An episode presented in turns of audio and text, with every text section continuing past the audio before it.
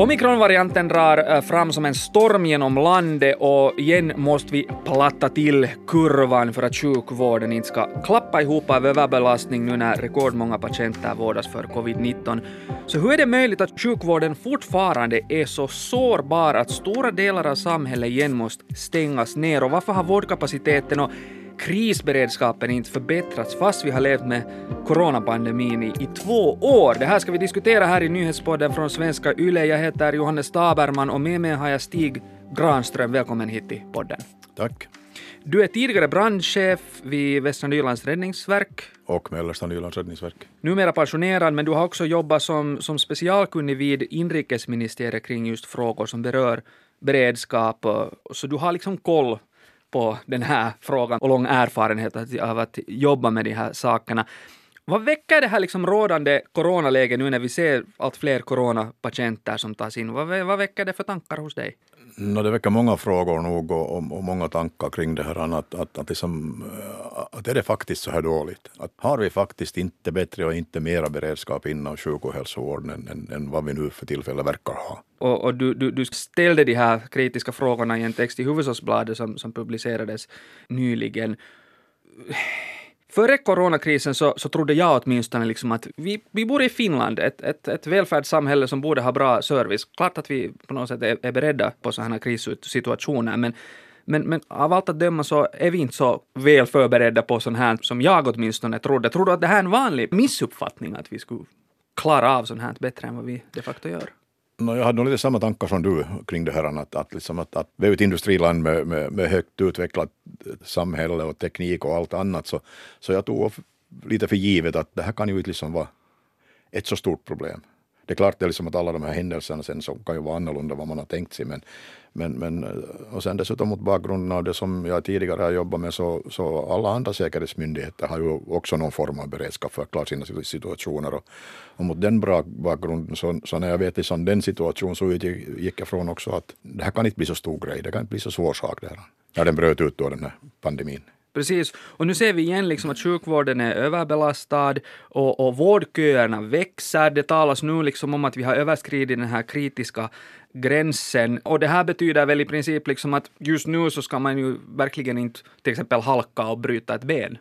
Nej, och, och, det är ju liksom det som, som är en, en, en sak där som är lite konstigt tycker jag. Att, att, liksom att, att, som du säger, att man ska inte känna sig skyldig att man, att man behöver eh, hälsovård. Mm. Utan det ska ju vara en självklarhet liksom att man får det. Men just nu så är det inte riktigt eh, så självklart. Nej, det är inte det.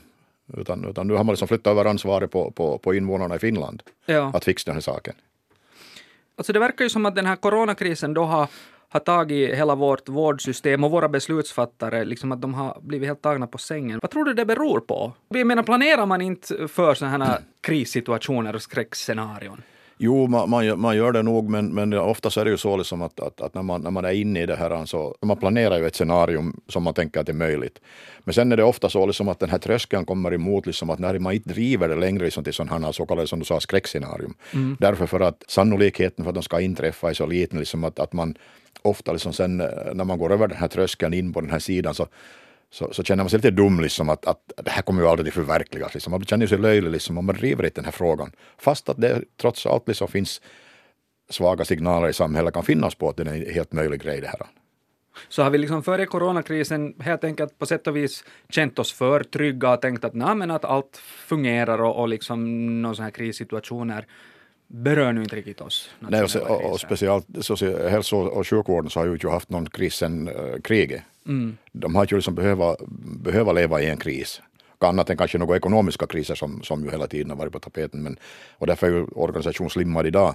Men, men, men det där, man har inte erfarenhet av krisledning, man har inte erfarenhet av att hantera kriser, man har ingen beredskap för kriser och så vidare. Så nej, man har aldrig varit med om det. Eller väl för väldigt länge sedan. Uh, enligt vissa sådana uträkningar så, så Finlands intensivvårdskapacitet är en femtedel av Tysklands sett i befolkningsmängden. Jag menar, förvånar det dig eller vad, vad, vad väcker det här för tankar hos dig om man gör en sån jämförelse? Jo, jo det, det, det förvånar nog, men det är ju samma sak som man har ju, man har ju tiotals år slimmat den här organisationen.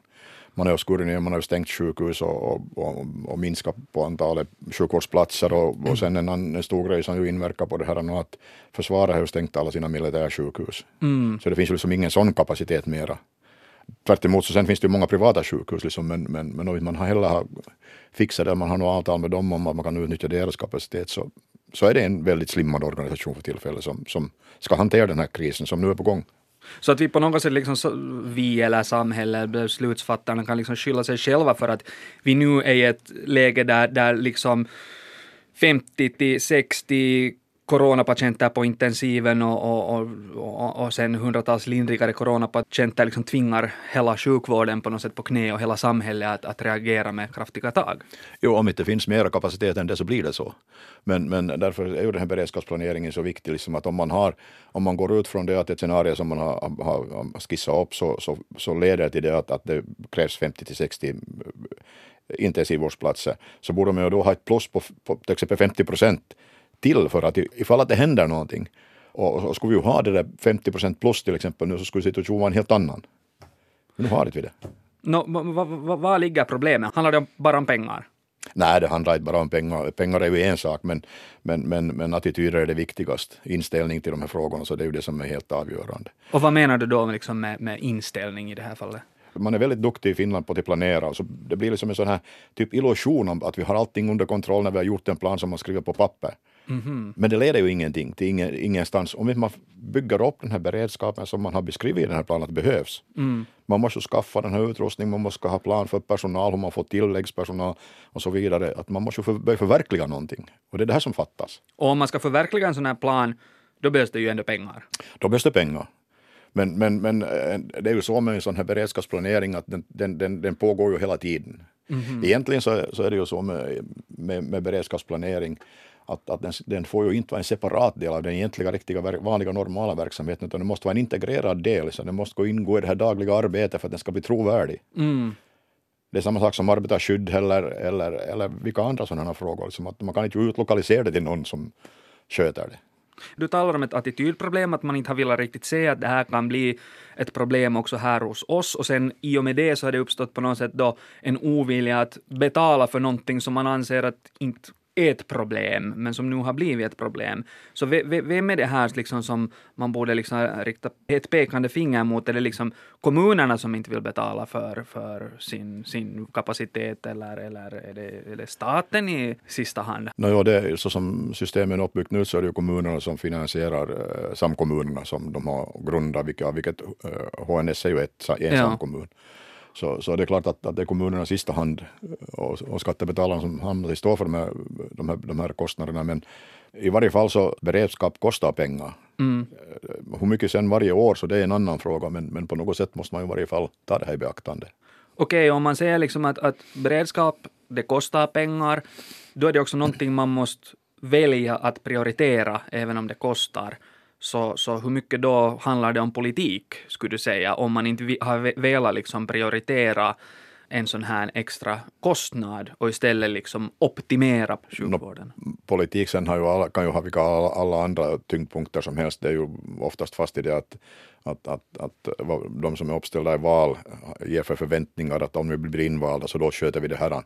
Och, och, och, det är nog väldigt sällan så jag sitter i något val som att nå, beredskapen i sig liksom ska vara en fråga som man lyfter upp som valfråga för att prioritera, utan det är ju alla andra frågor. Men, men jag skulle speciellt lyfta fram liksom tjänstemännens ansvar i den här frågan, mm. att, att, att, det är ju de som liksom sitter på, på de här frågorna, det är de som ska bereda de här ärendena så att politikerna fattar rätta beslut och så vidare.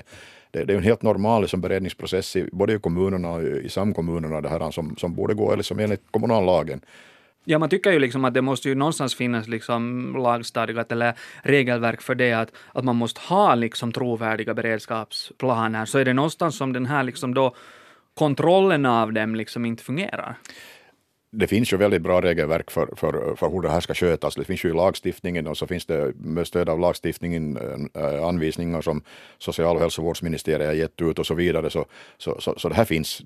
Men, men, men eh, sen, sen kommer det upp till, till, i det här fallet exempel till, till HNS då, eller kommunerna att, att, att, att göra de här beredskapsplanerna. Och de i sin tur ska övervakas av regionalförvaltningsverket. Mm.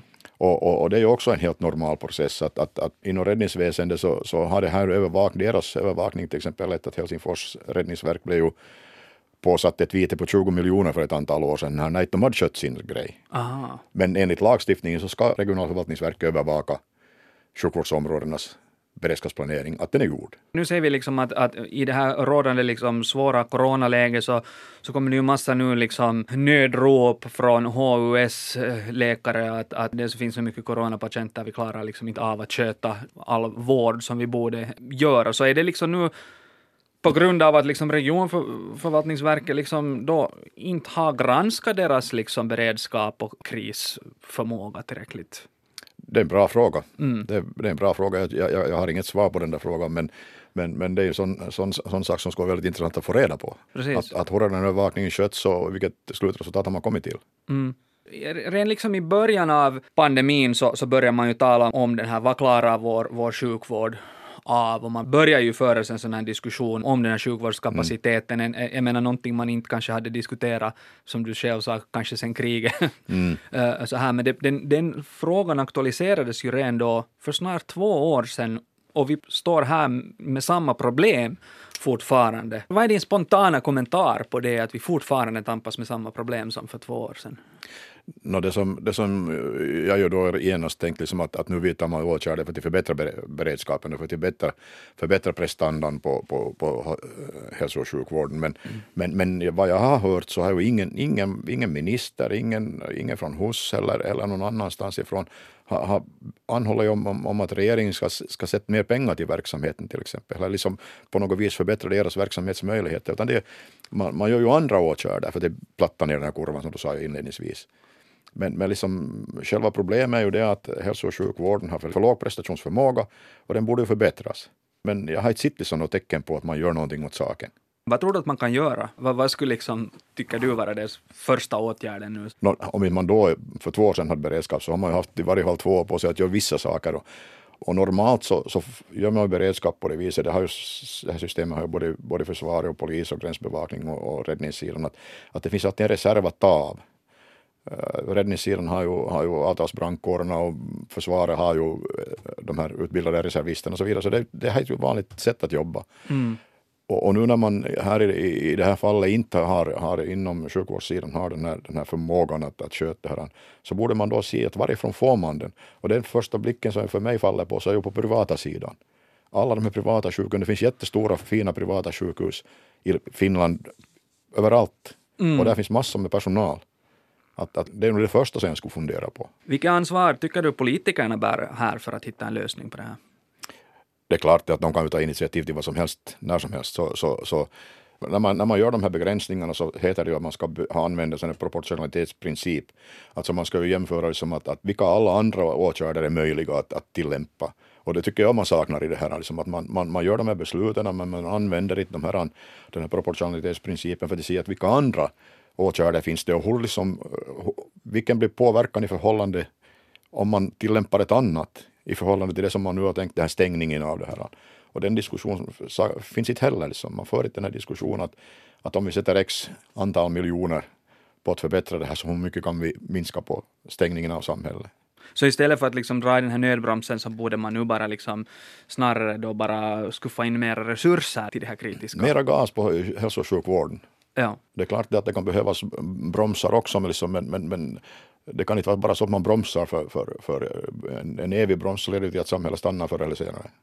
Uh, ännu finns det ju inga planer på att Finland eh, kommer att höja sin vårdkapacitet, men nu börjar man ju eh, styra, liksom, eller vill i alla fall börja försöka styra resurserna från till exempel smittspårning mot just sjukvård för att, för att i alla fall de resurser man har ska på något sätt riktas rätt. Men, men uh, samtidigt säger man ändå från social och hälsovårdsministeriet att man kan inte upprätthålla dyrbar kapacitet bara för säkerhets skull. Men så här nu med, med två år av pandemi i, i, ryggsäcken, så, så tror du att, att vi kommer att lära oss någonting av den här krisen för framtiden?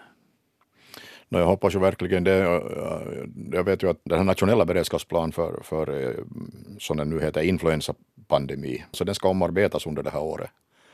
Och, och den är ju på nationell nivå och jag hoppas att, att, att man, man liksom nu faktiskt drar lärdomar av, av det här vad som har hänt och, och, och, och ser till att man, man har beredskap med, med i första hand ett ordentligt ledningssystem. För, för den här krisen har ju lett till, liksom, det ju, vi, har, vi, har ju, vi har ju den här som du sa, den här, den här sjukvårdskrisen, men sen har vi också en ledningskris, vi har en politisk kris, vi har en förtroendekris och så vidare. Och de här borde också liksom hanteras på något sätt och, och, och, och bäst undviker man ju det här genom att ha bra beredskap, eller åtminstone en tillfredsställande beredskap som man kan hantera de här situationerna. Och där, där, där vet jag av erfarenhet att, att liksom brist på, på, på resurser kan ganska långt kompenseras med, med bra ledarskap och ledning. Det som skulle vara viktigt så är det att, att, att, eh, om man tänker nu på situation från idag och framåt, att, att, att regeringen vidtar sådana åtgärder att man lugnar ner den här situationen. Man måste få kontroll över läget. Nu tror du att vi kommer att se liksom eh, på något sätt nu framöver att sådana här beredskapsplaner, att man satsar mer på dem, satsar mer på att, på att också förverkliga dem, att de börjar väga tyngre helt enkelt? Så jag hoppas det. Men, men, men, du är inte men, helt övertygad? Nej, jag, jag, är nog lite cynisk i det här fallet. Liksom att, att, uh, framtiden får nog utvisa om det blir någon förändring eller inte. Men, men det där, jag hoppas nog i varje fall att, att, att alla de som nu är ansvariga för beredskapsplanering inom hälso och sjukvården har fått tillräckligt ordentlig knäpp på näsan att de förstår att, att det är en sak som måste tas i beaktande. Stig Granström, tack för att du kom hit till Nyhetspodden. Tack. Ami Lassila var producent, Micke Andersén skötte tekniken och jag heter Johannes Taberman. Fortsätt lyssna på oss.